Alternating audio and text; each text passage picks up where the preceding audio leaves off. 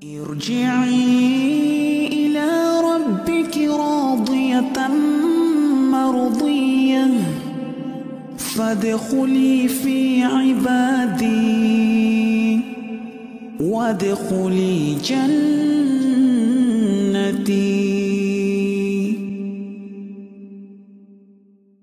Baik, untuk tidak berlama-lama, kami uh, persilahkan Ustaz Zina Ustaz Abdullah Tasim LCMA untuk memulai kajian pada malam hari ini. Selamat Ustaz.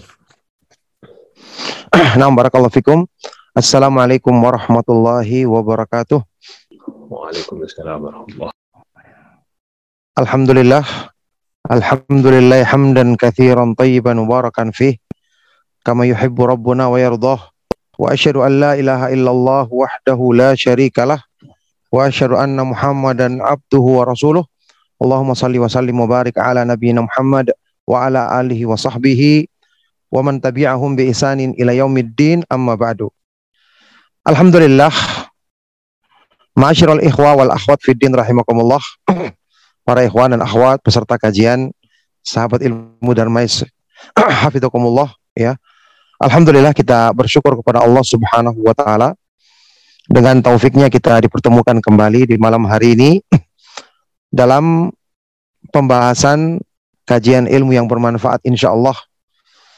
Mengkaji kitab yang sangat penting yang sangat besar manfaatnya untuk perbaikan iman kita. Kitab fikih fikhul asmaul husna fikih memahami nama-nama Allah Subhanahu wa taala yang maha indah buah karya dari Syekh kita, guru kita Syekh Abdul Razak bin Abdul Muhsin Al-Badr hafidhahumullahu taala. Barakallahu fikum ikhwani wa akhwati fid din rahimakumullah. Kita masih melanjutkan pembahasan tentang nama Allah Subhanahu wa taala Al-Khaliq dan Al-Khallaq. Di pertemuan terakhir kemarin kita telah baca kenapa banyak orang-orang yang melakukan perbuatan syirik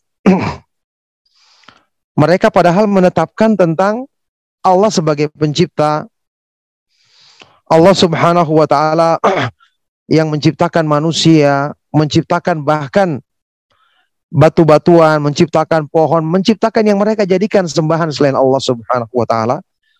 Dan bersamaan dengan itu, setelah mereka mengakui rububiyah Allah, mereka malah menjadikan sembahan kepada selain Allah Subhanahu wa taala.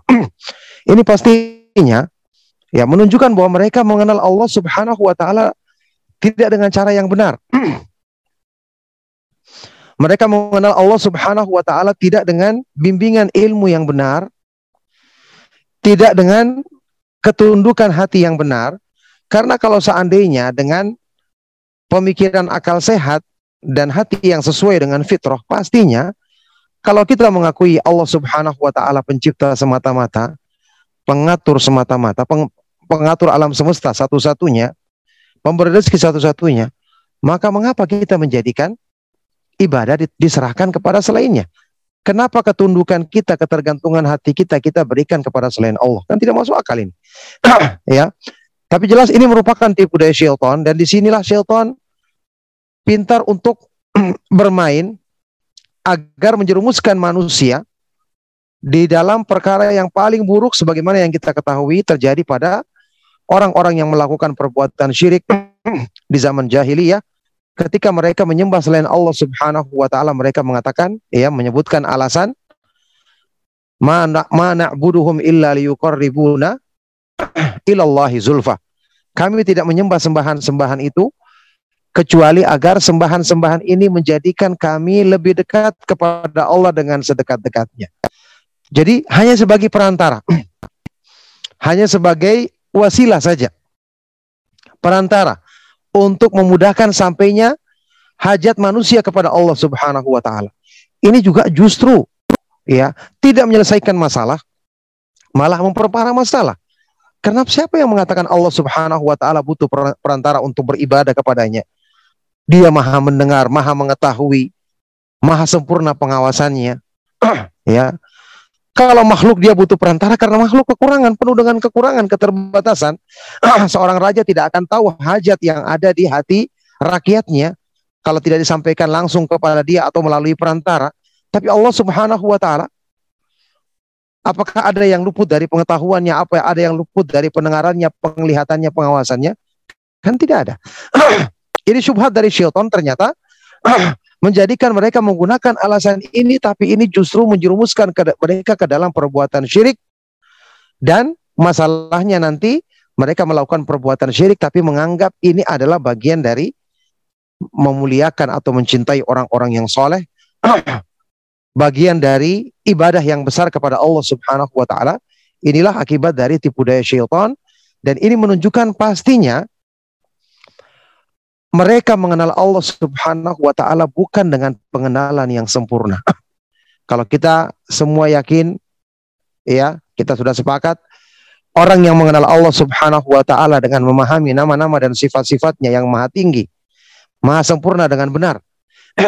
ini adalah jalan untuk bisa menjadikan hamba ini cinta kepada Allah, takut kepada Allah, berharap kepada Allah dengan maka kita yakin orang yang mengenal sifat-sifat rububiyah Allah ya, seandainya dia jujur dan ikhlas dalam belajar hal ini, pasti itu akan membimbing dia untuk mentauhidkan Allah Subhanahu wa taala dalam beribadah, dalam ketundukan, dalam semua ibadah lahir, lahir dan batin. Tapi makanya kita baca di sini sekarang ya penjelasan dari Syekh Abdul Razak selanjutnya. Beliau berkata, "Wa yakthuru fil Qur'anil Karim al-istidlalu 'ala al-kuffari bi'tirafihim bi anna Allah wahdahu huwal khaliqur razikul mun'imul mutasarrif."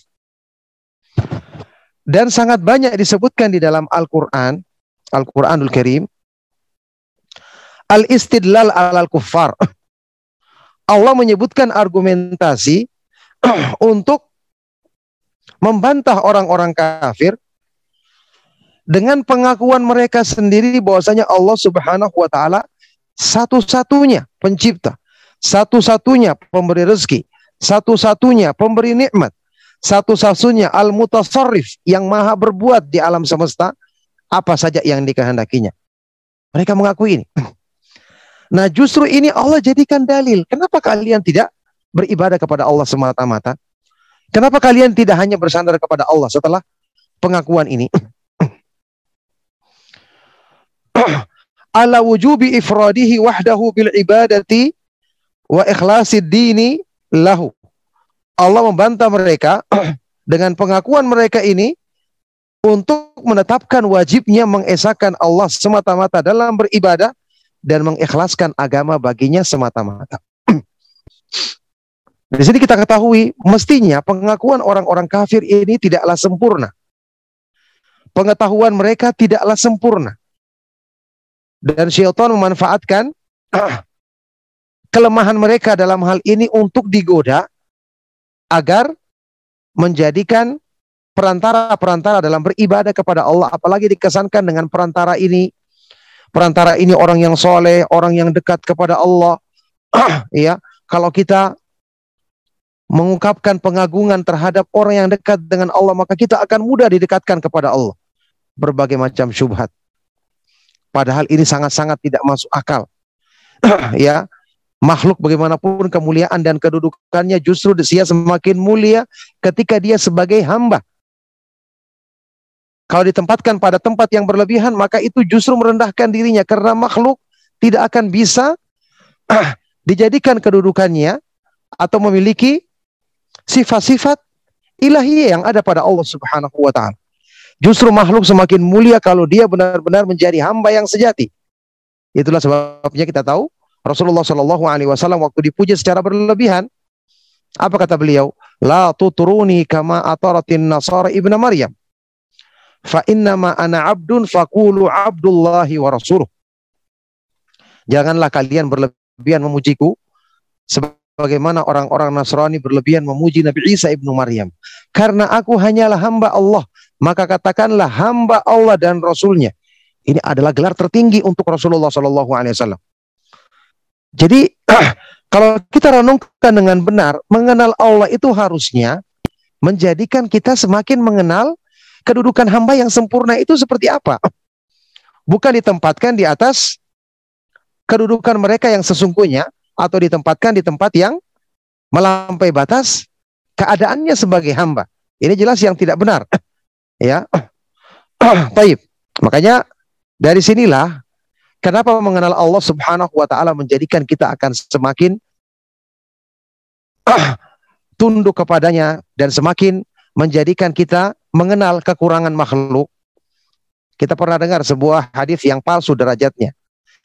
ya, hadis ini tidak benar. Disebutkan dalam hadis ini bunyinya Man arafa nafsahu faqad arafa rabbahu. Barang siapa yang mengenal dirinya, maka sungguh dia telah mengenal Robnya. Ini hadis palsu. ya. Hadis yang tidak ada asal usulnya bahkan.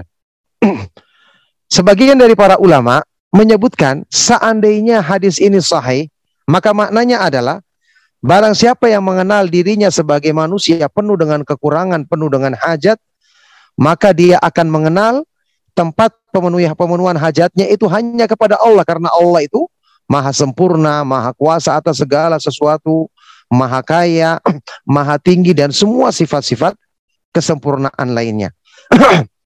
Jadi intinya di sini ya, jemaah sekalian rahimakumullah, bahwasanya Allah Subhanahu wa taala menjadikan pengakuan mereka terhadap rububiyah Allah untuk mewajibkan mereka harusnya menetapkan ibadah dan keikhlasan hanya untuk Allah Subhanahu wa taala semata-mata tidak ada sekutu baginya. Nah, kita dibawakan di sini dalil dari firman Allah Subhanahu wa taala di surat ya Al-Ankabut ayat 61 Allah Subhanahu wa taala berfirman, "A'udzubillahi minasyaitonir rajim." Wala in sa'altahum man khalaqas samawati wal arda wa sakhkhara syams wa sakhkhara syamsa wal.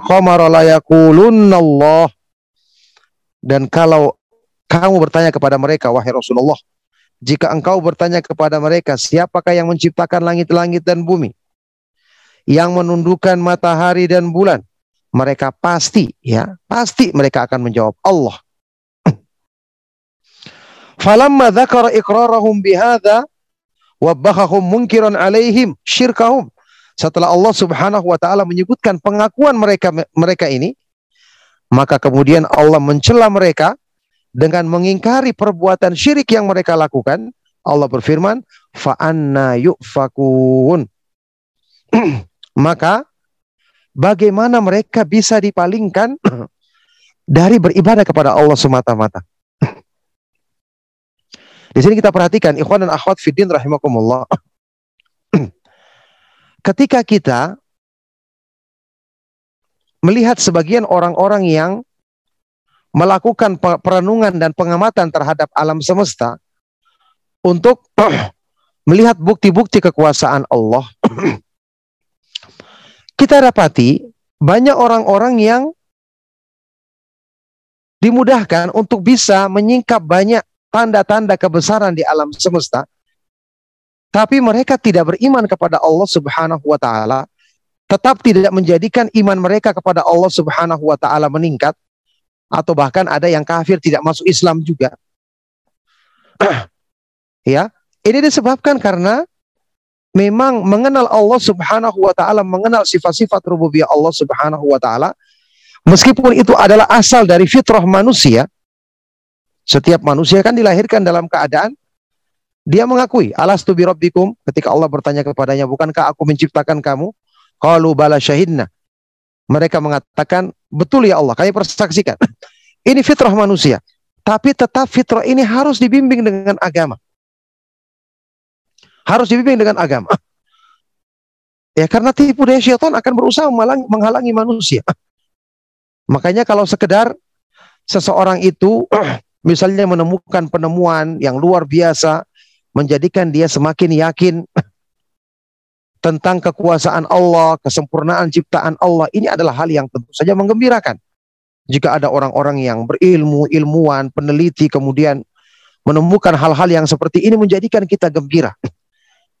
Tapi setelah itu kita kita dapati ya, tidak jarang di antara mereka ini Ya pertama kalau dia kafir juga tidak masuk Islam atau mungkin yang berislam tapi kemudian tidak meningkat juga ibadahnya. Tidak meningkat juga ibadahnya. Bahkan bisa jadi setelah penemuan ini dia merasa dirinya hebat karena bisa melakukan penelitian yang menghasilkan penemuan-penemuan seperti ini. Nah, ini malah berbahaya. Menjadikan dia bersandar kepada dirinya sendiri. Kenapa terjadi semua itu? Karena hamba ini tidak terbimbing untuk mengenal tauhid. Untuk bagaimana menjadikan dirinya semakin mengenal Allah, harusnya semakin merendahkan dirinya. Ketika dia menemukan penemuan yang hebat, harusnya dia semakin tunduk dan bersyukur kepada Allah. Kalau bukan dengan pertolongan Allah, dia tidak akan bisa lakukan. Ini penemuan yang bermanfaat karena menjadikan hamba ini semakin mengenal kebesaran dan keagungan Allah, dia semakin merendahkan dan menundukkan dirinya. nah, inilah yang terjadi. ya, terkadang ketika orang merasa cukup untuk mengenal Allah Subhanahu wa taala dengan hal-hal yang dianggapnya ya cukup dengan dia merenungkan kejadian-kejadian di alam semesta. Yang terjadi seperti itu. Kalau tidak dibimbingan dengan ilmu agama, fitrah manusia kan yang meluruskannya, membimbingnya semakin baik, semakin lurus adalah agama Allah Subhanahu wa taala. Makanya agama Allah diturunkan sesuai dengan fitrah, bahkan mendukung fitrah.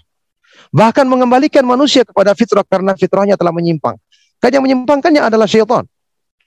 Bagaimana sabda Rasulullah Shallallahu Alaihi Wasallam, uh, firman Allah dalam hadis kursi, riwayat Imam Muslim, Allah Subhanahu Wa Taala berfirman, Inni khalaqtu ibadi hunafa'a, thumma innahu atathumus syayatin, fajtalathum an dinihim.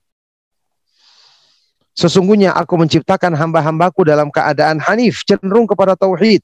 Kemudian syaitan mendatangi mereka untuk memalingkan mereka dari fitrah tersebut. ya, makanya di sini tidak boleh kita berpikir kita bisa menggunakan misalnya teknologi semata-mata ilmu pengetahuan dalam urusan dunia untuk bisa menjadikan kita iman kita sempurna. Tidak akan bisa.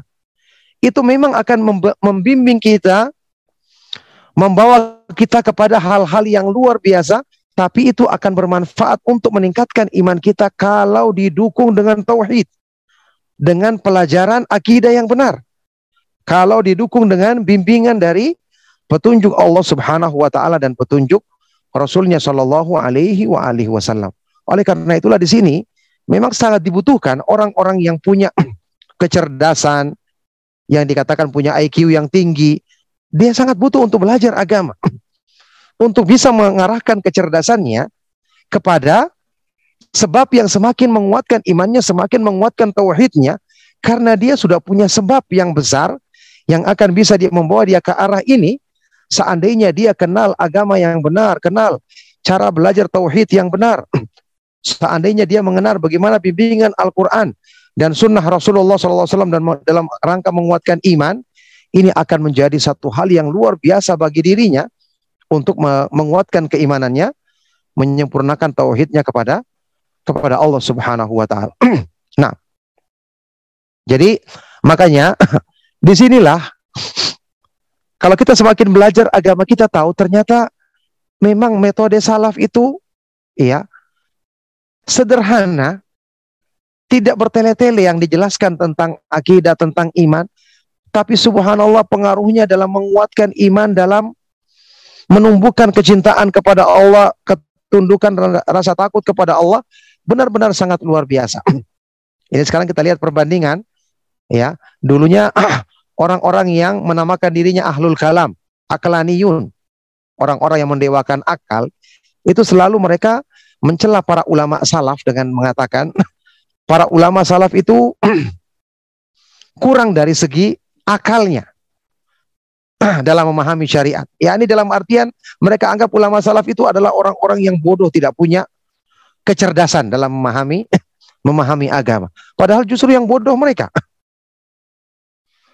ya, mereka mempertentangkan dalil dengan akal yang sehat. Padahal akal yang sehat yang ciptakan adalah Allah, dalil yang turunkan adalah Allah. Justru dalil ini untuk meluruskan akal. Menyempurnakan hal-hal yang tidak bisa dijangkau oleh akal. Sampai kisah cerita yang terkenal, mungkin kita pernah dengar kisah tentang imam dari kalangan mereka, Imam Fahrul Razi, Fahruddin Ar-Razi, yang pernah ketika dia berjalan di sebuah wilayah di Naisabur ketika dia sedang berjalan ya di belakangnya diikuti oleh murid-muridnya. Ya karena hebatnya dia Dia berjalan ada seorang awam, orang tua yang tinggal di pedalaman atau di pinggiran kota melihat ada seorang guru besar yang diikuti murid-muridnya. Dia bertanya kepada salah seorang murid siapa orang tersebut sampai diikuti oleh orang sebanyak ini maka muridnya mengatakan kamu tidak kenal dia. Dia seorang imam besar yang dia bisa menetapkan dalil tentang keberadaan Allah dengan seribu dalil. Ternyata orang tua yang lugu ini tidak tertarik. Dia menjawab dengan santai kalau dia uh, kalau dia bisa menetapkan keberadaan Allah dengan seribu dalil, berarti di kepalanya ada seribu syubhat. Berarti dalam pikirannya ada seribu kerancuan. Langsung dia berlalu. Bagaimana kita memahami ucapan dia ini, ucapan orang tua ini, ya, bukan orang yang berilmu, tapi dia bicara dengan fitrahnya. Maksudnya apa? Keberadaan Allah tidak perlu dengan seribu dalil kita menetapkannya. Karena keberadaan Allah adalah fitrah yang ada pada diri manusia, tidak perlu dalil. Adanya penciptaan, adanya makhluk berarti bukti ada pencipta. Ya. Orang-orang Arab, penyair Arab mengatakan ketika ada tanda kotoran unta, berarti ada unta yang pernah lewat di situ. Kan sederhana. Tapi mereka berusaha untuk membuat masalah ini seolah-olah harus dengan menggunakan akal padahal justru di sini merendahkan akal. Akhirnya perkara-perkara agama pun banyak yang mereka tolak karena tidak masuk akal. Subhanallah sesat. Jadi di sini ya para ikhwan dan akhwat rahimakumullah peserta kajian sahabat ilmu Darmais, wallahi kita bersyukur. Banyak orang-orang yang menolak nama-nama dan sifat-sifat Allah dengan mengatasnamakan dalil akal padahal sungguh-sungguh sangat tidak masuk akal. Kita pernah sudah pernah contohkan sebagiannya. Mereka-mereka yang menolak sifat rahmat Allah, cinta, kecintaan Allah, mereka mengatakan sifat ini tidak masuk akal, tidak pantas bagi Allah, tidak masuk akal. Makanya ditolak. Kenapa tidak masuk akal? Karena rahmat ini menunjukkan kelemahan hati. Cinta ini menunjukkan hati yang rapuh. Jadi tidak pantas bagi Allah, subhanallah. Kenapa Anda mengkiaskan sifat-sifat Allah dengan apa yang ada pada makhluk?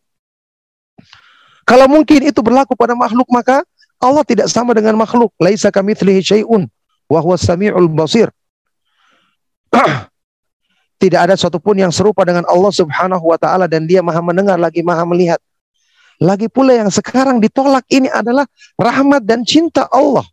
Kecintaan Allah. Siapa yang tidak ingin mendapatkan kedudukan yang tinggi ini?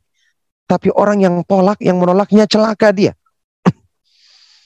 dia terancam tidak akan mendapatkan keutamaan tersebut ya saya pernah nukilkan pernyataan sebagian ulama salaf yang dinukil oleh Imam Ibnu Katsir rahimahullah taala man kadzdzaba bi karamatin lam yanalha barang siapa yang mengingkari mendustakan satu kemuliaan satu keutamaan dia tidak akan pernah mendapatkannya subhanallah jadi merugi orang-orang yang mengaku berakal sampai terlalu pede dengan akalnya sehingga ingin menghukumi syariat Padahal justru menjauhkan mereka dari kebaikan-kebaikan yang ada pada syariat Islam yang mulia ini. Coba seandainya seorang hamba merendahkan diri, mengakui dirinya kurang, toh kalau dia pun punya akal, kan tetap akalnya Allah yang ciptakan. Tidak akan dia bisa melebihi dari ya apa yang Allah Subhanahu wa taala ciptakan untuknya. Wa ma utitu minal ilmi illa qalila. Dan tidaklah ilmu yang diberikan kepada kalian kecuali sangat sedikit. Harusnya kita punya sikap merendahkan diri di hadapan syariat Allah Subhanahu wa taala di hadapan petunjuknya yang dengan cara inilah kita bisa mengambil manfaatnya, kita bisa membuka hati kita untuk menerimanya dan justru dengan cara seperti ini para sahabat radhiyallahu taala anhum menjadi generasi yang terbaik yang terja yang terbaik umat ini. nah, barakallahu fikum. Kata beliau selanjutnya, Wa qala ta'ala di ayat yang lain masih di surat Al-Ankabut ayat ke-63. Allah Subhanahu wa taala berfirman, "Wala in sa'altahum man khalaqas samawati wal arda la yaqulunna Allah." Dan kalau kamu tanyakan kepada mereka wahai Rasulullah, siapakah yang menciptakan langit-langit dan bumi? Maka mereka pasti akan menjawab Allah. falamma dzakara i'tirafahum bihadza wabakhahum munkiran alaihim syirkahum setelah Allah menyebutkan pengakuan mereka akan hal ini kemudian Allah mencela mereka mengingkari perbuatan syirik yang mereka lakukan. Allah berfirman Qulil hamdulillah bal aktsaruhum la ya'lamun. Katakanlah alhamdulillah segala puji bagi Allah akan tetapi kebanyakan mereka tidak mengetahuinya tidak mengetahui tauhid yang sesungguhnya. Padahal mereka sudah punya dasar mengakui rububiyah. Subhanallah, ini adalah tipu daya syaitan yang menjadikan mereka terhalang dari dari kebaikan ini, kebaikan besar ini. Taib. Waqala ta'ala di ayat yang lain. Ini contoh-contoh akan dibawakan di sini ya, yang tadi beliau terangkan bagaimana Allah Subhanahu wa taala membantah mereka dengan dalil yang mereka akui sendiri. Kenapa tidak berlanjut untuk menetapkan yang berikutnya? Ini menunjukkan ada penghalang, ada tipu daya syaitan, ada kesombongan di hati. ada mereka-mereka yang terlalu bersandar kepada kemampuan akalnya sehingga terhalangi dari menetapkan tauhid yang sesungguhnya padahal mereka sudah menga sudah mengakui tentang penciptaan pengaturan Allah Subhanahu wa taala terhadap alam semesta yang itu cuma dia yang melakukannya satu-satunya tidak ada sekutu baginya. Tapi kemudian Allah Subhanahu wa taala berfirman di surat Ar-Rum ayat 40.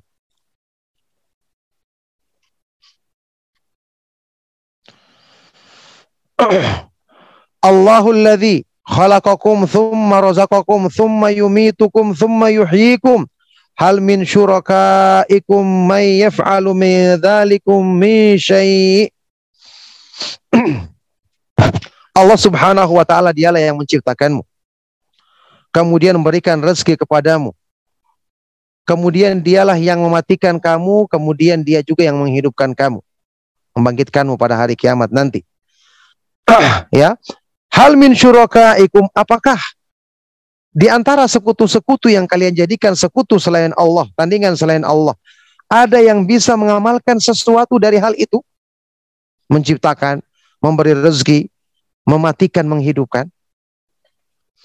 Wala syakka annal jawab alladhi la jawab lahum ghairu. Huwa la. Ay, laisa min syurakaina min syurakaina man yaqdiru ala an yaf'ala syai'an min dalika minal khalqi wal rizqi wal ihya'i wal imatati falamma ta'ayyana hadzal i'tirafu wabbahahumullahu subhanahu biqaulihi subhanahu wa ta'ala amma yusyrikun tidak ragu lagi. Jawaban. Ya yang tidak ada jawaban lagi bagi mereka selain ini pasti jawabannya adalah tidak tidak ada di antara sekutu-sekutu yang bisa melakukan itu. Artinya, tidak ada di antara sekutu-sekutu kami yang kami jadikan sembahan selain Allah yang bisa yang mampu untuk melakukan sesuatu dari hal itu. Ya, kayak menciptakan, memberikan rezeki, menghidupkan, mematikan. Tidak ada yang mampu.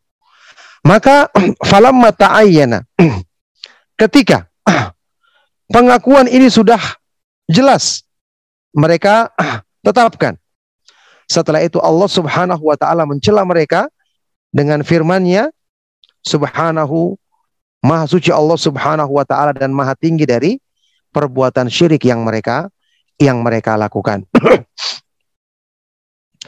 Oleh karena itu di sini ya, ikhwan dan akhwat fidin rahimakumullah, kita tidak boleh sampai mengagumi dengan pengagungan yang setinggi-tingginya ketika kita mendengarkan pernyataan orang-orang yang misalnya memuji dan membesarkan Allah dalam urusan rububiyah saja. ya, apalagi tentunya mereka-mereka yang mendapatkan hal ini dengan metode yang tadi kita sebutkan. Sekedar dengan penelitian katanya perenungan terhadap alam. Kalau pengakuan ini tidak membawa kepada uluhiyah. Penetapan ibadah kepada Allah Subhanahu wa taala semata-mata. Ini yang tadi kita sebutkan karena disebabkan mereka tidak belajar menetapkan hal ini dari ilmu yang benar, ilmu yang bersumber dari Al-Quran dan Sunnah dengan pemahaman para sahabat radhiyallahu taala anhu ajmain karena tidak ada yang bisa membimbing kita kepada kebaikan kecuali dengan ilmu yang yang lurus ini. Contoh bukti ini orang-orang musyrik yang Jelas-jelas mereka mengakuinya tapi Allah Subhanahu wa taala kemudian membantah mereka dengan ya mengingkari perbuatan syirik yang mereka lakukan padahal mereka telah mengakui hal tersebut. Nah, Wa qala ta'ala di ayat yang lain di surat Al-Mu'minun ayat 84 sampai 89. Qul ardu wa man fiha in kuntum ta'lamun.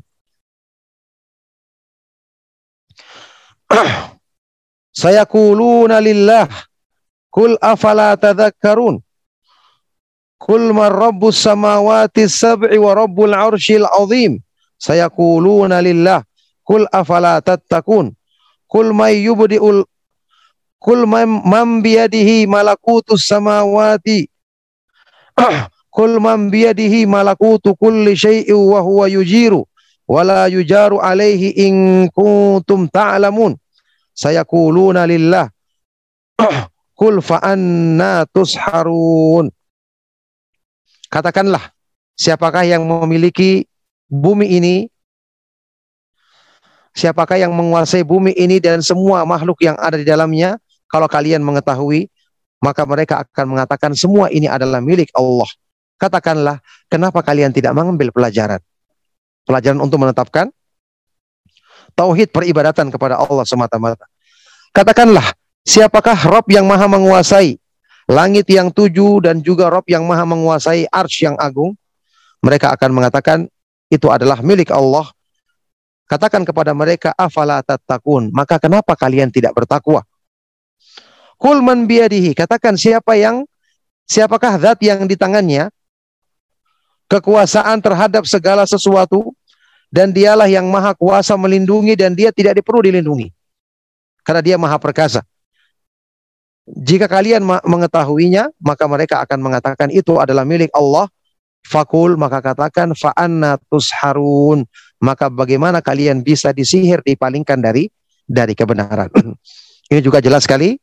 Pengakuan terhadap rububiyah harusnya membimbing manusia menetapkan konsekuensinya setelah itu menetapkan uluhiyah ibadah kepada Allah Subhanahu wa taala semata-mata. Kemudian surat An-Naml ayat 59 sampai 60. Allahu khairun amma yusyrikun. Apakah Allah Subhanahu wa taala lebih baik daripada amma yusyrikun apa-apa yang mereka jadikan sebagai sekutu bagi Allah Subhanahu wa taala? Amman khalaqas samawati wal arda wa anzala lakum wa anzala lakum minas samaa'i ma'an fa ambatna fa ambatna bihi hadaiqa dzata bahjah. Maka lakum atumbitu syajaraha a ilahum ma'allah balhum qaumun ya'dilun. Atau siapakah yang menciptakan langit-langit dan bumi dan menurunkan untuk kalian hujan dari langit yang kemudian itu kami tumbuhkan kebun-kebun yang memiliki keindahan kalian sama sekali tidak bisa menumbuhkan pohon-pohonnya. Apakah ada sembahan bersama Allah Subhanahu wa taala? Apakah ada sembahan yang pantas dijadikan sekutu bagi Allah Subhanahu wa taala? Bahkan mereka adalah orang-orang yang ya'dilun menyamakan makhluk dengan Allah Subhanahu wa taala dan tentu ini tidak sangat-sangat tidak pantas. Wa qala ta'ala di surat Al-An'am ayat yang pertama. Alhamdulillahilladzi khalaqas samawati wal arda wa ja'ala adh-dhulumati wan nur thumma alladhina kafaru bi rabbihim ya'dilun. Segala puji bagi Allah yang menciptakan langit-langit dan bumi serta menjadikan kegelapan-kegelapan dan cahaya. Kemudian orang-orang yang kafir mereka menyamakan atau menyekutukan Allah Subhanahu wa taala dengan makhluknya. Semua ini adalah istidlal pengambilan dalil untuk membantah pengakuan mereka-mereka yang mengaku rububiyah tapi tidak terbimbing untuk menetapkan peribadatan satu-satunya kepada Allah Subhanahu wa taala mentauhidkannya mengesakannya dalam beribadah kepadanya. Kata Syekh Abdul Razak mengomentari selanjutnya, huna ya'jabul aqilu asyaddal ajabi min uqulil musyrikin. Kaifa adalu man la yamliku li nafsihi wala li ghairihi mithqala dzarratin fis samawati wala fil ardi billadzi khalaqas samawati wal arda wa ja'ala adh-dhulumati wan nur. Maka di sinilah setiap orang yang berakal akan terheran-heran dengan keheranan yang sangat. Heran terhadap akalnya orang-orang musyrik. Ke mana akal mereka? Bagaimana mereka bisa menyamakan makhluk yang tidak memiliki kemampuan untuk dirinya sendiri? Apalagi kepada orang lain. Tidak memiliki kekuasaan meskipun sebesar debu. Di langit-langit dan di, dan di bumi ini disamakan dengan Allah yang maha memiliki menguasai semua alam semesta langit-langit dan bumi beserta isinya. Serta dialah yang menjadikan kegelapan-kegelapan dan cahaya. Maka perhatikan orang-orang yang tidak mengambil pelajaran dari tauhid adalah orang-orang yang paling bodoh dan paling rendah akalnya. Ya jangan kita mengagumi seseorang yang meskipun diakui sebagai orang-orang yang cerdas, kalau ternyata dia tidak terbimbing untuk menetapkan keimanan, itu menunjukkan kebodohan pada dirinya. Karena penetapan tentang hal ini adalah fitrah manusia yang tidak perlu orang yang dikatakan cerdas sekali, orang yang biasa saja, bahkan orang yang dari perkampungan bisa menetapkannya, ya seperti tadi kisah yang kita sebutkan, karena ini merupakan tuntutan tuntutan fitrah manusia. nah, ayusyrikuna ma la yakhluqu syai'an wa hum yukhlaqun. Wala yastati'una lahum nasra wala anfusahum yansurun. Apakah mereka melakukan perbuatan syirik? Menyekutukan Allah dengan menyembah sesuatu yang tidak bisa menciptakan apa pun sedikit pun. Justru bahkan mereka yang diciptakan dan mereka-mereka yang dijadikan sembahan selain Allah ini tidak mampu untuk menolong uh, sembahan tidak mampu untuk menolong penyembah-penyembahnya, bahkan juga mereka tidak mampu menolong diri mereka sendiri. Bagaimana bodohnya orang-orang yang melakukan perbuatan syirik kepada Allah Subhanahu wa taala. Makanya belajar akidah yang benar, belajar tauhid ini adalah belajar yang mencerdaskan pikiran kita sesungguhnya. Menjadikan pikiran kita bebas. Kita harus ingat kita beribadah dan tunduk kepada Allah Inilah kebebasan yang sejati.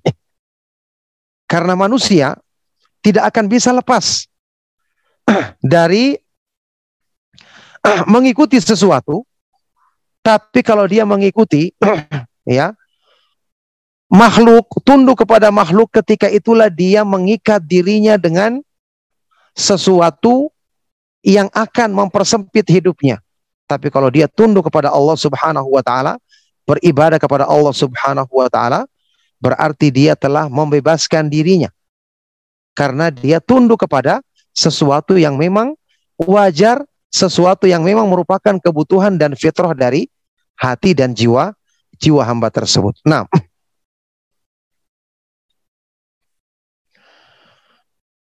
wa kaifa sawwau at-turaba bi rabbil arbab wa kaifa sawwau al-abida bimalikir riqab wa kaifa sawwau ibadan amsalahum birabbil azimi wal khal wal khaliqil jalil? Bagaimana mungkin manusia menyamakan at-turab tanah? Dengan pencipta pencipta alam semesta bagaimana mungkin mereka menyamakan hamba dengan yang memiliki kekuasaan terhadap hamba dan bagaimana mungkin mereka menyamakan hamba-hamba Allah yang sama seperti mereka dengan Rob yang maha agung, yang maha pencipta, yang maha mulia. Innal ladzina tad'una min dunillahi ibadan amsalukum. Innal ladzina tad'una min dunillahi ibadun amsalukum. Fad'uhum falyastajibu lakum in kuntum sadiqin. Di dalam surat Al-A'raf ayat 194 Allah Subhanahu wa taala berfirman, sesungguhnya orang-orang yang kalian seru selain Allah Subhanahu wa taala, mereka adalah hamba-hamba sepertimu. Butuh sepertimu, penuh dengan kekurangan sepertimu, penuh dengan kelemahan sepertimu. Kenapa dia yang disembah? Coba berdoalah kepada mereka, fad'uhum. Berdoalah kepada mereka, maka hendaknya mereka menjawab doamu. Kalau kalian benar eh, merupakan orang-orang yang benar, ternyata mereka tidak bisa menjawab, tidak bisa memenuhi, tidak bisa memberikan karena mereka sendiri adalah makhluk-makhluk yang punya dengan ke, penuh dengan kekurangan, tidak bisa memberikan permintaan orang-orang yang menjadikan mereka sekutu selain Allah Subhanahu wa taala. Nauzubillah min dzalik. Ta'ala Rabbu amma yasifu haula'i wa subhanahu amma yusyrikun. Maka maha tinggi Allah Subhanahu wa taala. Rabb alam semesta dari sifat yang mereka sebutkan. Dan maha suci Allah Subhanahu wa taala dari perbuatan syirik yang mereka lakukan. Alhamdulillah. Ikhwan dan akhwat fiddin rahimakumullah. Jamaah pengajian sahabat ilmu Darmais rahimakumullah. Selesai pembahasan yang berhubungan dengan nama Allah Subhanahu wa taala Al-Khaliq dan Al-Khallaq yang semoga menjadi sebab kebaikan bagi kita semua semakin kita memahami bagaimana pentingnya kita mengenal Allah Subhanahu wa taala tapi tetap dengan harus dengan metode yang benar yaitu metode belajar tauhid sesuai dengan manhaj ahlu sunnah wal jamaah. Barakallahu fikum. Demikian kita cukupkan untuk pembahasan materi dari kitab ini. Insya Allah kita teruskan di waktu yang masih ada dengan uh, menjawab pertanyaan-pertanyaan yang Atum sampaikan yang berhubungan dengan pembahasan kita di malam hari ini ataupun yang di luar tema. Barakallahu fikum. Saya persilakan. Tafadhol. Waalaikumsalam warahmatullahi Alhamdulillah, Masya Allah. Uh, panjang sekali penjelasannya dan sangat uh, jelas. Dan Alhamdulillah sudah selesai kita di materi atau uh, salah satu nama Allah Al-Khaliq dan Al-Kholaq. Alhamdulillah Ustaz. Kita teruskan mohon izin untuk ke beberapa pertanyaan Ustaz. Silakan para jamaah sekalian yang uh, ingin bertanya langsung bisa raise hand atau juga bisa menuliskan di kolom chat. Untuk kesempatan pertama, uh, insya Allah kami berikan kesempatan pada ya, Chef Muhawan. Silahkan di unmute. Uh, Assalamualaikum warahmatullahi wabarakatuh Ustaz. Waalaikumsalam warahmatullahi wabarakatuh. Silakan. Barakallahu fiik Ustaz. Pertanyaannya ada pertanyaannya ada dua Ustaz terkait ya. dengan materi kita pada malam hari ini tentang al-khaliq uh, dan al-khalaq itu dalam ayat yang pertama pertanyaannya dalam ayat surat Al-Hasyr ya. Wallahu khaliqul bari'ul al bari'ul musawwir. Yeah. Dialah Allah yang menciptakan, yang mengadakan dan yang membentuk rupa. Ya. Dalam satu kalimat ini Allah ada tiga sifat ya. Yang ya. sebetulnya maknanya mungkin serupa ya, tapi yeah, berdekatan ya, betul. dijelaskan seperti apa ya kalau disatukan eh, seperti ini itu manfaatnya. Bahkan misalnya pelukis itu dalam bahasa Arab Allah alam benar atau tidak nih Ustaz musawir hmm. itu hmm. apakah memang juga dalam hadis kan memang dilarang ya. ya. Yang kedua perbedaan secara khusus antara alkoholik dengan alkoholak itu aja Ustaz. Iya, Barakallahu fikum. Pertanyaan sangat baik sekali dari beliau yang bertanya. Semoga Allah Subhanahu wa taala senantiasa melimpahkan rahmat dan kebaikannya Amin. Ya kepada beliau dan kepada kita semua. Iya, eh, pembahasan tentang hal itu akan dibahas di pembahasan langsung setelah ini. Ya, tentang tiga nama tadi, Al-Khaliq, Al-Bari, Al-Musawwir. Pembahasan di bab berikutnya. ya. Taib. Eh, ketiga nama ini tadi betul dikatakan berdekatan maknanya yang menciptakan, mengadakan dan bentuk rupa. Ini kan jelas maksudnya terjemahan kita dalam bahasa supaya kita memudahkan memahaminya. nah, ya karena uh, Allah Subhanahu wa taala memiliki nama-nama yang maha indah dan bahkan di antara nama-nama Allah Subhanahu wa taala ada nama-nama yang maknanya berdekatan tapi Allah Subhanahu wa taala memiliki nama yang semakna dengan hal ini itu lebih dari satu.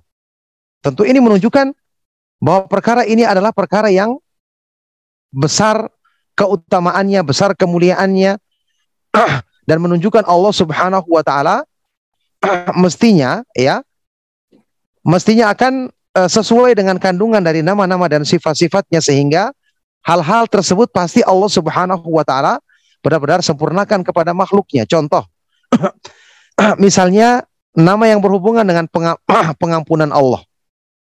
Ada Al-Ghaffar, ada Ghafir, Al-Ghafur, ya, Maha Pengampun. Belum lagi At-Tawwab, Maha Penerima Taubat. Belum lagi Al-Afu, Maha Pemaaf. Belum lagi secara umum makna dari Ar-Rahim, rahmat Allah. Dan yang lainnya. Ini semua tentu nanti akan ada perbedaan secara makna nanti akan dibahas. Kalau berbeda lafadznya ada perbedaannya.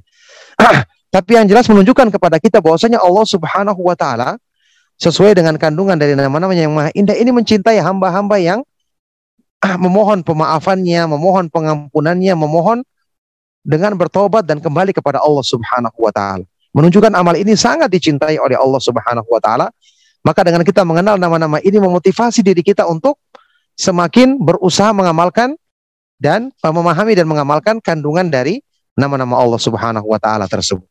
Nah, nanti akan ada rincian pembahasan dan perbedaan dari ketiga nama tersebut ya, Al-Khaliq, Al-Bari, Al-Musawwir di pembahasan berikutnya nanti kita akan uh, sekaligus jawabannya nanti waktu kita membahasnya. Adapun tadi Al-Khaliq sama Al-Khallaq secara makna sama karena bahasa secara bahasa Arab ya. Al-Khaliq sama al khalaq kan dari kata-kata khalaqa yakhluqu artinya menciptakan. Cuman al khalaq itu dalam bentuk siagul mubalaghah yang menunjukkan arti sangat secara asal bahasa. yang jelas kedua-duanya kita artikan Allah Subhanahu wa taala adalah Maha Pencipta. Nah, barakallahu fikum. Fikum barakallah. Alhamdulillah. Insyaallah kita bahas lebih lanjut itu di uh, pembahasan nama-nama pembahasan yang berikutnya. Iya. Nah. Insyaallah.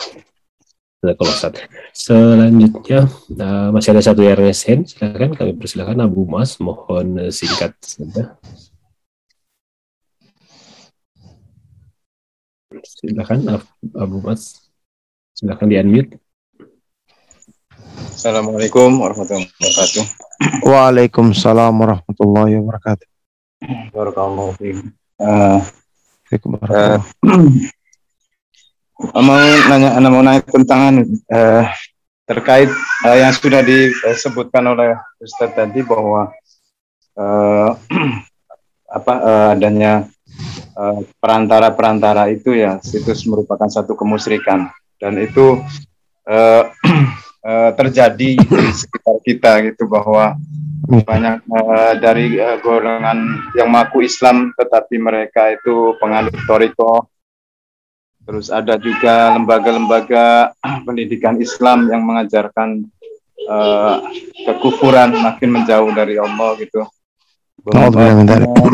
memperbandingkan agama yang satu dengan Islam gitu, dengan agama yang lain itu dengan maksud untuk uh, supaya me menemukan titik temu dan itu sebetulnya uh, kita melihat itu apa uh, satu uh, penyesatan Kemudian juga yeah.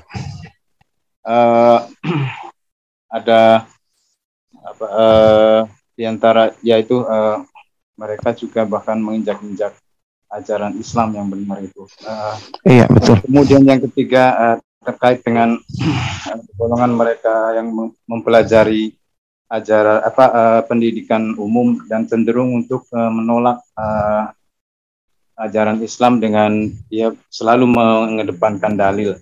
Nah itu kita sering bertemu dengan mereka dari golongan ini.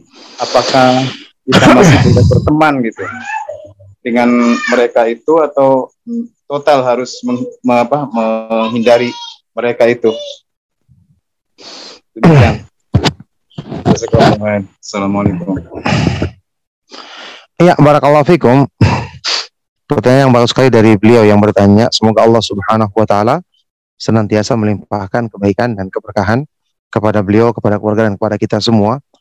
Ya, uh, tentu saja berhubungan dengan bergaul atau berteman dengan mereka-mereka yang seperti ini pemahamannya, uh, ada perbedaan atau bertingkat-tingkat di kalangan mereka. Kalau orang-orang yang kita tahu hanya ikut-ikutan, masih mau mendengar dari kita, kita sempat berdiskusi, mereka juga masih bisa mendengarkan tidak separah dari yang lainnya mudah uh, mungkin ya, maka masih bisa kita dekati.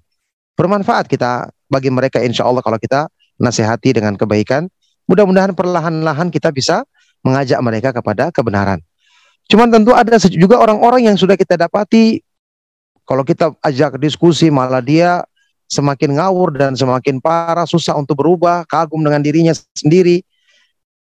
Yang disebutkan di dalam hadis yang sahih yakni ijaba kulli ra'yin bi. Ketika orang sudah masing-masing pendapat, orang yang punya pendapat kagum dengan pendapat dan akalnya sendiri. Ketika seperti ini ya, kita sudah berusaha menasihati, sudah berusaha mengingatkan ternyata kita dapati dia susah maka kita malah kita khawatir mempengaruhi diri kita, maka yang seperti ini kita hindari dan kita jauhi karena tentu lebih penting untuk kita menjaga keselamatan agama kita sendiri. Nah, barakallahu fikum. Waalaikumsalam barakallahu. Alhamdulillah. Sebelum kita ke sesi selanjutnya, mohon izin saya bacakan dulu beberapa pertanyaan sudah masuk di kolom chat yang Silakan, berdasarkan uh, yang sesuai tema dulu. Kemudian juga mohon maaf kalau memang ada pertanyaan yang sudah pernah ditanyakan ya Ustaz, karena ini amanah oh. jadi kita bacakan. Bismillahirrahmanirrahim. Assalamualaikum warahmatullahi wabarakatuh. Waalaikumsalam Berkaitan dengan sifat Allah yang Maha Pencipta atau Al-Khaliq, bagaimana kaidah penciptaan manusia-manusia terdahulu dari Nabi Adam alaihissalam Uh, jika dikaitkan dengan ilmu pengetahuan yang kita pelajari saat ini tentang manusia purba yang fosilnya ditemukan jutaan tahun lalu, kemudian sangat primitif dari cara komunikasi, cara berpakaian, dan cara berketurunan. Bagaimana dengan tersebut, Ustaz? Ya,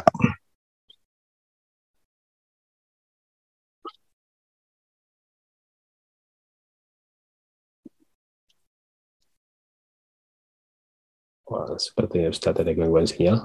Ustadz bisa sinyalnya merah. Apa tuh Ustadz? Iya, bagaimana? Ada gangguan? Ya. Tadi sempat terhenti, sekarang sudah jelas Ustadz. Oh, iya, iya.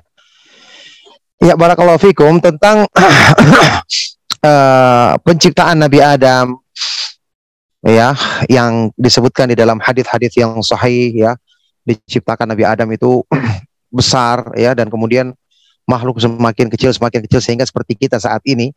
Itu disebutkan dalam hadis-hadis yang sahih kita dapati sejak manusia pertama diciptakan Nabi Nuh kita dapati orang-orangnya ya sama seperti manusia yang sudah sempurna sudah lengkap begitu ya.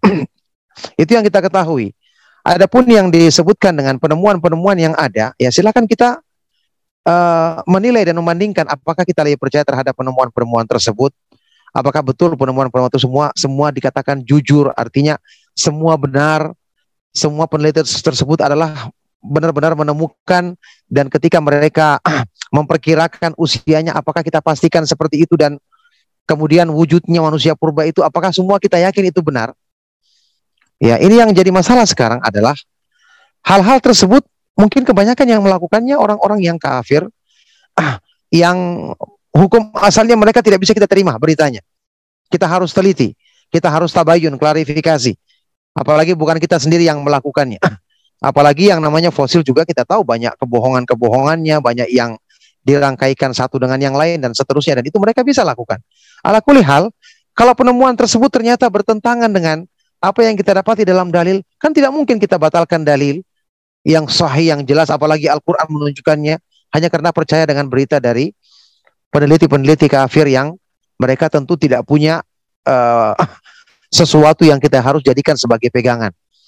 Ya, makanya tidak akan bisa kita benarkan semua. Apalagi mereka mungkin tidak jarang yang melakukan hal-hal yang ini untuk mendukung teori tertentu, teori-teori yang tujuannya adalah untuk merusak Islam seperti teori Darwin atau yang lainnya. Ala kuli hal kita lebih percaya kepada apa yang diberitakan di dalam dalil-dalil yang sahih Al-Quran dan Sunnah Rasulullah Shallallahu Alaihi Wasallam Ya, adapun penemuan-penemuan yang ada ya bisa kita terima, bisa kita tidak terima sesuai dengan sesuai dengan uh, apa yang mereka sebutkan ya kita lihat kalau ada dalil kita terima yang sesuai dengan dalil. Adapun yang tidak sesuai dengan dalil maka kita tidak boleh membenarkan sesuatu yang belum jelas. Uh, bukti kebenarannya kemudian kita menolak dalil yang sudah jelas-jelas kebenarannya karena turunnya dari sisi Allah Subhanahu wa taala yang tidak mungkin yang tidak mungkin salah. Nah, barakallahu fikum. Alhamdulillah jelas Selanjutnya masih dari kolom chat izin saya bacakan. Bismillahirrahmanirrahim. Assalamualaikum warahmatullahi wabarakatuh. Syukur jazakallahu khairan Barakallahu fiqh atas ilmunya. Semoga Allah merahmati Pak Ustaz dan tim dan kita semua yang turut di kajian malam ini. Amin. Amin Amin Barakallahu Mohon izin bertanya Ustaz Afan Berkaitan dengan nama Allah Al-Khaliq Al-Kholaq Allah Maha Menciptakan Bagaimana sikap kita mengenai penciptaan manusia itu sendiri Misal operasi plastik yang bisa membuat mata manusia tertipu akan penciptaan manusia itu sendiri. Mohon uh, kaidahnya Ustaz. Syukran jazakallah. Iya, barakallahu fikum. Pertanyaan yang sangat baik sekali. Semoga Allah Subhanahu wa taala senantiasa melimpahkan kebaikan kepada antum yang bertanya dan kepada kita semua.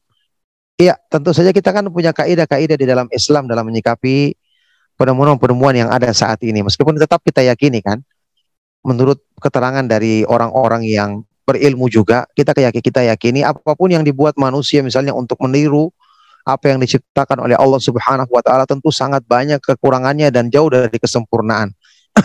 Karena Allah Subhanahu wa taala jelas ahsanul khaliqin, sebaik-baik yang yang menciptakan. Kemudian kita menyikapi hal-hal uh, yang seperti ini, tentu hukumnya adalah syariat. Kan dalam syariat ada ah, larangan kita merubah ciptaan Allah.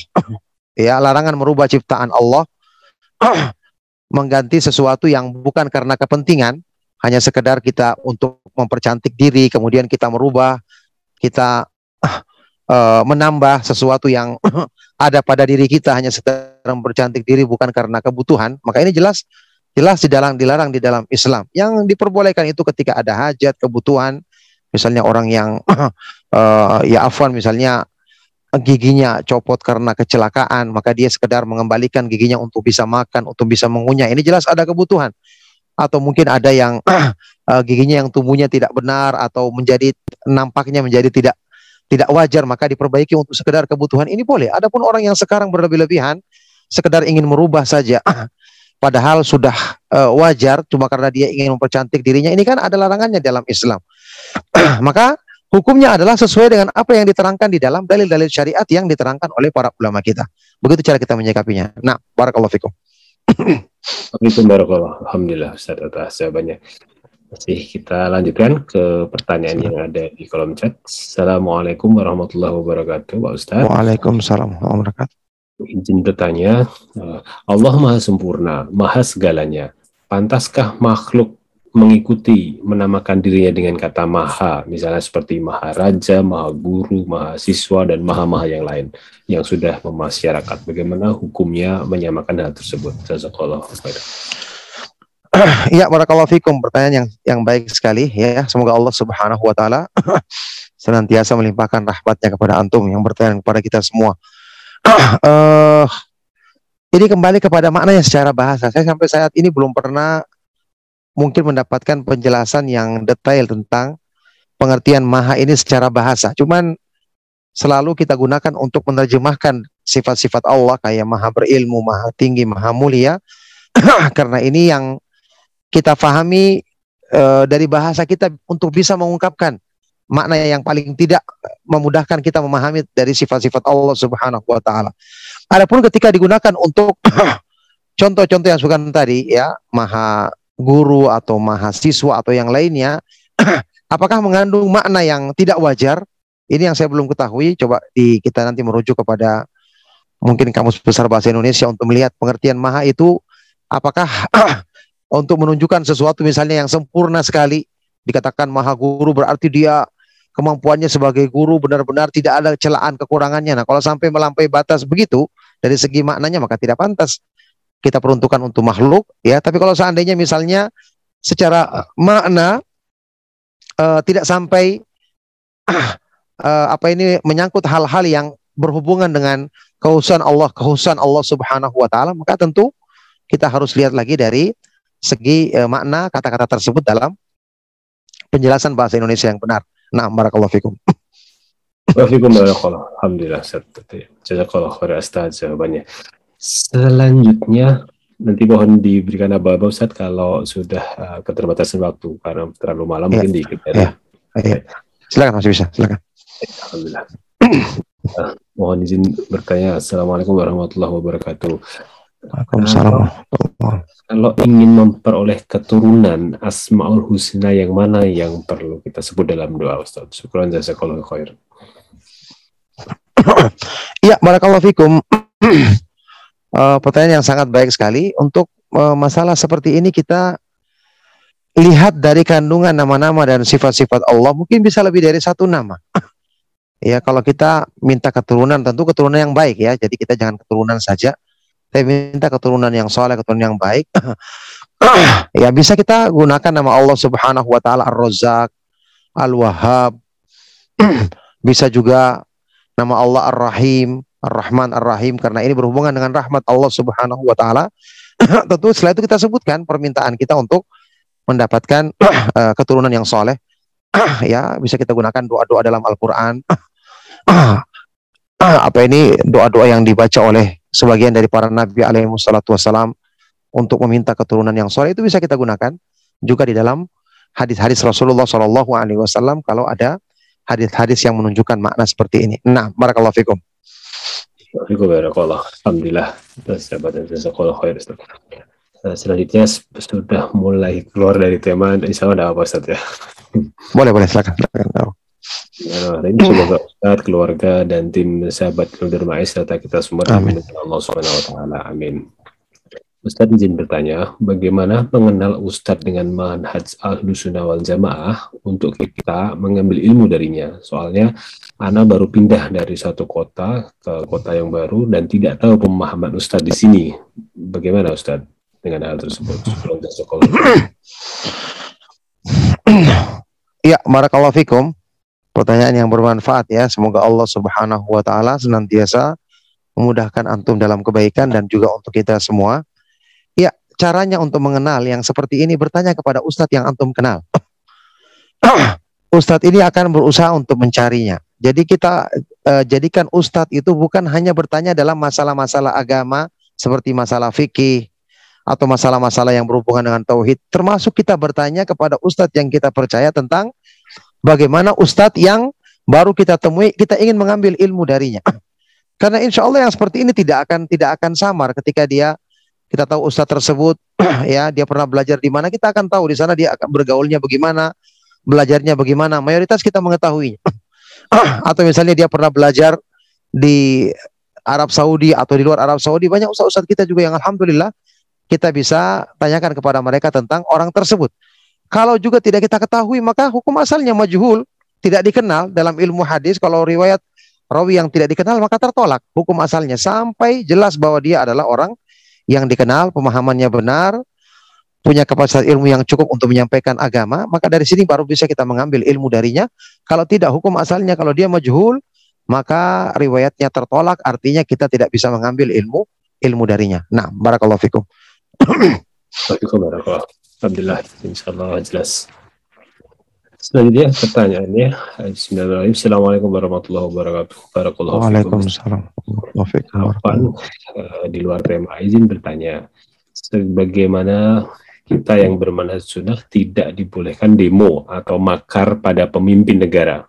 Selama kita masih bebas beribadah dan tidak dilarang dan selama pemimpin itu muslim.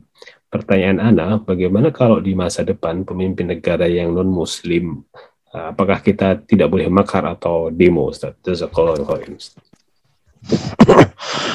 Iya, barakallahu fikum.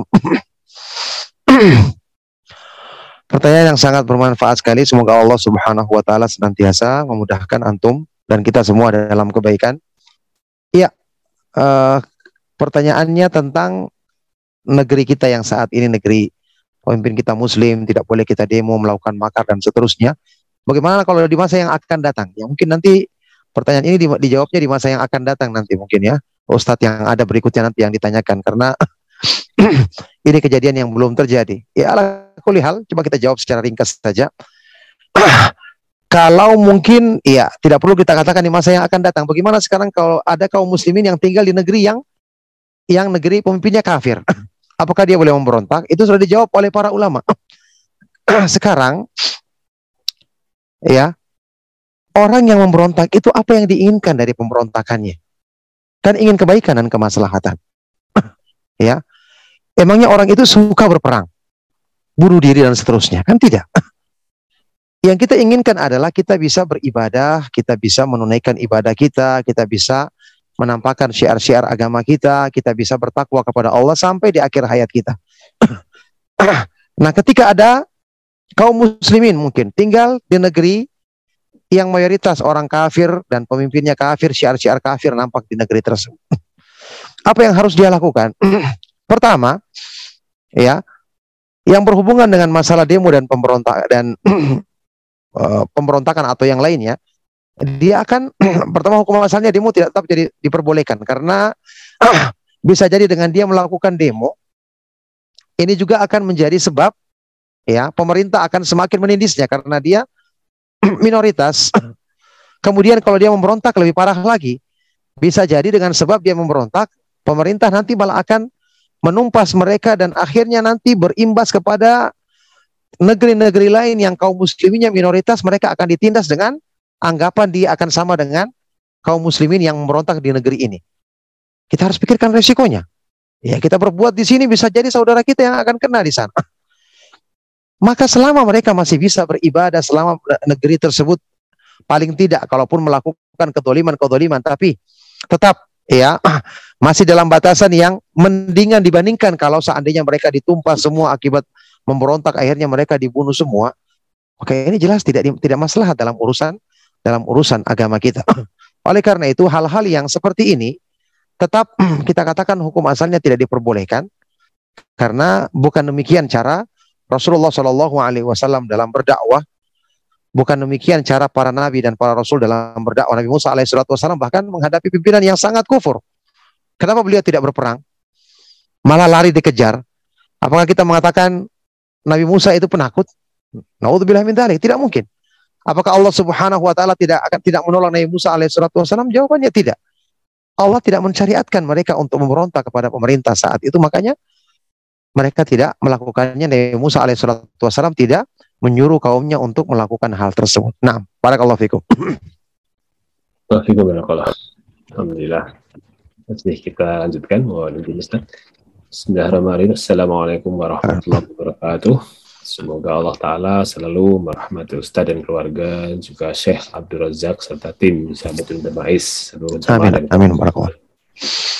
Ustaz, apakah tauhid asma wa sifat ini bisa menjatuhkan kita pada syirik jika menyimpang? Misalnya, tidak mau resign dari tempat kerja yang haram karena masih belum siap. Apakah merusak tauhid asma wa sifatnya? Apakah termasuk syirik? Syukron jazakallahu khairan Ustaz. Iya, barakallahu fikum. Ya, pertanyaan yang sangat baik sekali. Semoga Allah Subhanahu wa taala senantiasa menjaga antum dalam kebaikan dan juga bagi kita semua. Iya, uh, kondisi yang seperti ini tidak mesti dikatakan terjerumus ke dalam kesyirikan karena dia belum bisa meninggalkan pekerjaan yang haram, karena dia belum siap. Ini belum tentu. Yang jelas pastinya ini menunjukkan kelemahannya, kelemahan imannya. Dan tentu lama kelamaan dikhawatirkan itu akan semakin memperparah uh, keburukan pada imannya. Tapi belum tentu itu karena dia takut misalnya tidak yakin Allah Maha Pemberi rezeki atau dia tidak takut kepada Allah Subhanahu wa taala berarti cacat pada tauhid asma wa sifatnya. Belum tentu demikian. Jelas ini salah dan dosa tapi tidak sampai kita menghukumi demikian kalau mungkin misalnya dia masih uh, tidak meninggalkan hal tersebut karena pengaruh-pengaruh dari keluarganya, dia sendiri mungkin sudah kuat tapi ternyata orang tuanya masih melarang, anak istrinya dan seterusnya, banyak kemungkinan. atau hal-hal yang mungkin ditakutinya karena ya tadi kelemahan kelemahan imannya atau kelemahan tekadnya sehingga dia belum berani tapi belum tentu karena karena hal-hal yang menunjukkan dia ragu terhadap Allah sebagai Maha Pemberi rezeki atau Allah Subhanahu wa taala yang Maha menolong dan seterusnya. Kelemahan ini jelas menunjukkan kelemahan imannya tapi belum tentu dikatakan sampai terjerumus ke dalam perbuatan syirik kecuali kalau jelas-jelas sampai prasangka prasangkaan seperti itu di dalam hatinya yang dominan maka tentu Allah ini yang maha mengetahuinya dan bisa jadi keyakinan uh, tersebut akan membawa kepada perbuatan perbuatan syirik naudzubillah min dzalik. Nah. Alhamdulillah. Uh, selanjutnya masih satu ada yang raise hand ini kita coba dahulukan silahkan.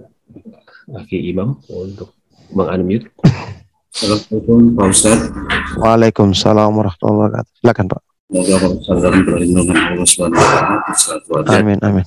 Uh, ini Pak Ustaz, saya ini kan uh, kadang saya zikir Asmaul Husna nih Pak Ustaz.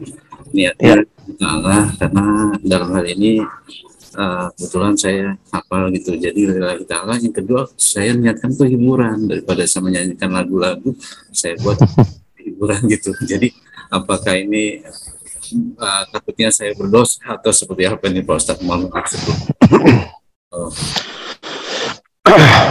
Iya, barakallahu fikum. Pertanyaan yang sangat baik saya dari beliau ya. yang semoga Allah Subhanahu wa taala senantiasa menambah semangat beliau dalam kebaikan dan juga untuk kita semua.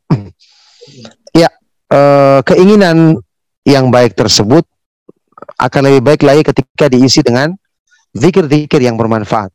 ya, kalau kita berpikir daripada kita melakukan hal-hal yang salah, kita pakai zikir.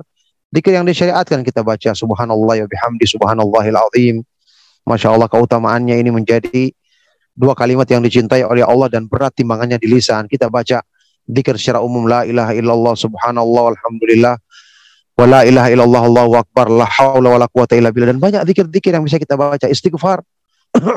ini yang sudah jelas-jelas ada syariatnya. Adapun zikir dengan asmaul husna kan sudah pernah kita bahas, kita jelaskan. Bukan dengan menyebut semua nama-nama tersebut.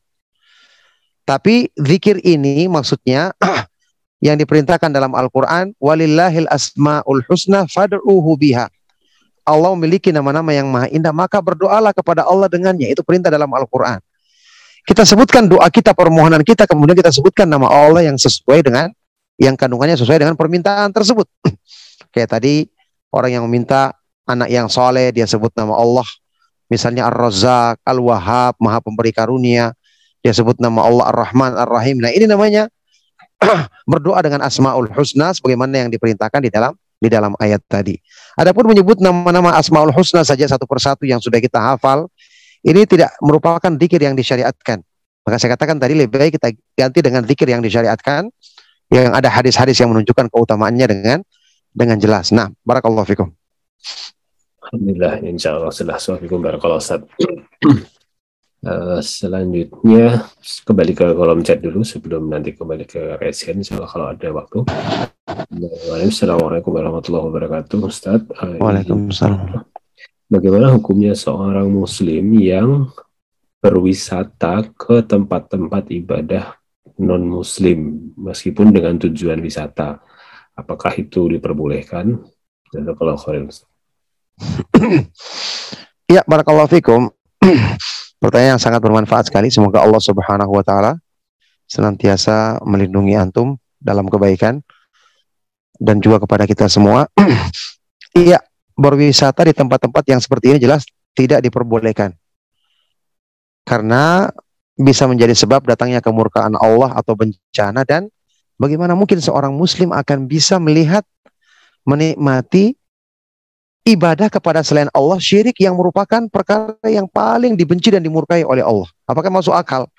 Kita mencintai Allah kemudian kita tenang-tenang saja menyaksikan perbuatan yang paling dibenci oleh Allah. Kan paling tidak minimal kita menghindarinya. Bagaimana kita datang ke sana berwisata kan artinya bersenang-senang. ya. Kalau ada kemungkaran yang lain saja tidak pantas kita berada di sana. Apalagi ini kemungkaran yang paling besar yang paling dibenci oleh Allah yaitu kesyirikan yang mestinya ada dalam ritual-ritual agama-agama tersebut. Makanya di dalam Al-Quran, Allah subhanahu wa ta'ala berfirman ketika menyebutkan ciri-cirinya ibadur rahman. Hamba-hamba Allah yang maha pemurah, orang-orang yang bertakwa. Ya, Allah menyebutkan di antara cirinya adalah walladzina la yashhaduna zur. Mereka adalah orang-orang yang tidak mempersaksikan, tidak menghadiri azur. Acara-acara ritual orang-orang musyrik. ditafsirkan oleh banyak ulama, uh, oleh sebagian dari para ulama salaf dan ini yang dipilih oleh Syekhul Islam Ibnu Taimiyah, pengertian zur di sini adalah ayadul musyrikin. Ritual-ritual perayaan-perayaan orang-orang musyrik. Karena di situ ada kesyirikannya.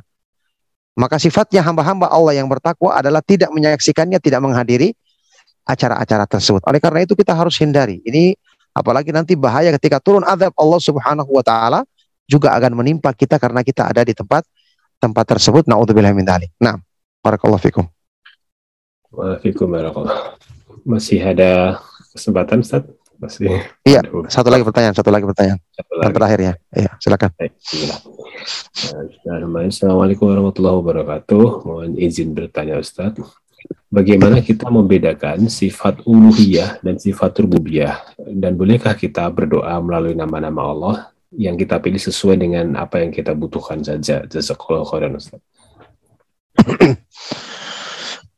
Iya, barakallahu fikum. Ah, kan sudah kita jelaskan berkali-kali rububiyah bedanya dengan uluhiyah. Kalau rububiyah itu berhubungan dengan sifat-sifat Allah ya yang Allah Subhanahu wa taala yang ada hubungannya dengan makhluknya. Seperti dia menciptakan menciptakan makhluk, memberikan rezeki, mendatangkan kebaikan, mencegah keburukan, menghidupkan makhluk, mematikan makhluk, begitu maksudnya. itu sifat-sifat rububiyah Allah Subhanahu wa taala. Sedangkan uluhiyah ini berkaitan dengan apa yang harusnya dilakukan makhluk kepada Allah Subhanahu wa taala. uluhiyah artinya kan menghambakan diri atau menyembah, beribadah. Itu maksudnya. ya, jadi makhluk itu harusnya beribadah kepada Allah Subhanahu wa taala semata-mata, hanya tunduk kepadanya semata-mata. Cinta, takut dan berharap, tawakal, berserah diri, ridho kepada Allah dan semua amal-amal ibadah lahir maupun batin lainnya hanya ditujukan kepada Allah Subhanahu wa taala semata-mata. Itulah yang dinamakan sebagai tauhid uluhiyah atau tauhid al-ilahi atau tauhidul ibadah. Jadi itu perbedaan di antara di antara keduanya. Yang kedua, berdoa dengan nama-nama Allah Subhanahu wa taala yang kita pilih sesuai dengan kebutuhan saja. Tentu diperbolehkan, cuma kan lebih bagus kalau kita misalnya semakin banyak kita menyebut nama-nama dan sifat-sifat Allah dalam doa kita asal bersesuaian maka ini baik. Kan ada juga doa dari Rasulullah Shallallahu Alaihi Wasallam yang menyebutkan ia berdoa kepada Allah dengan semua nama-namanya. Dengan lafaz yang disebutkan dalam hadis yang sahih misalnya wa as'alu Allahumma inni as'aluka bikulli ismin huwa laka.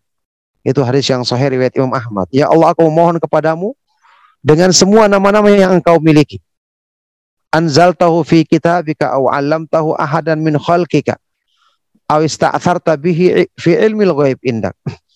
Nama-nama yang engkau namakan dirimu dengannya yang kamu turunkan di dalam Al-Qur'an atau yang kamu ajarkan kepada salah seorang engkau yang engkau ajarkan kepada salah seorang dari makhlukmu atau yang kamu simpan khususkan pada ilmu gaib di sisimu. Ada juga yang seperti itu.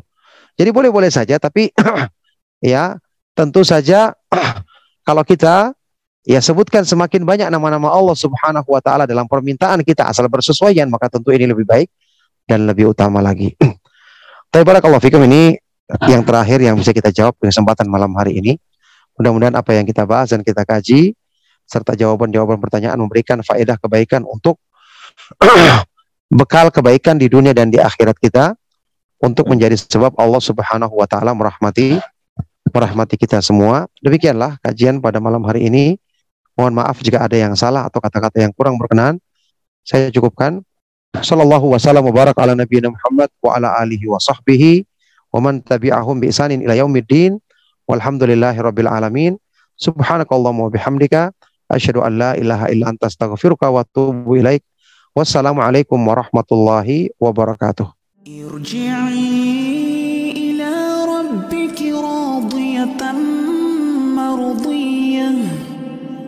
فادخلي في عبادي. وادخلي جنتي.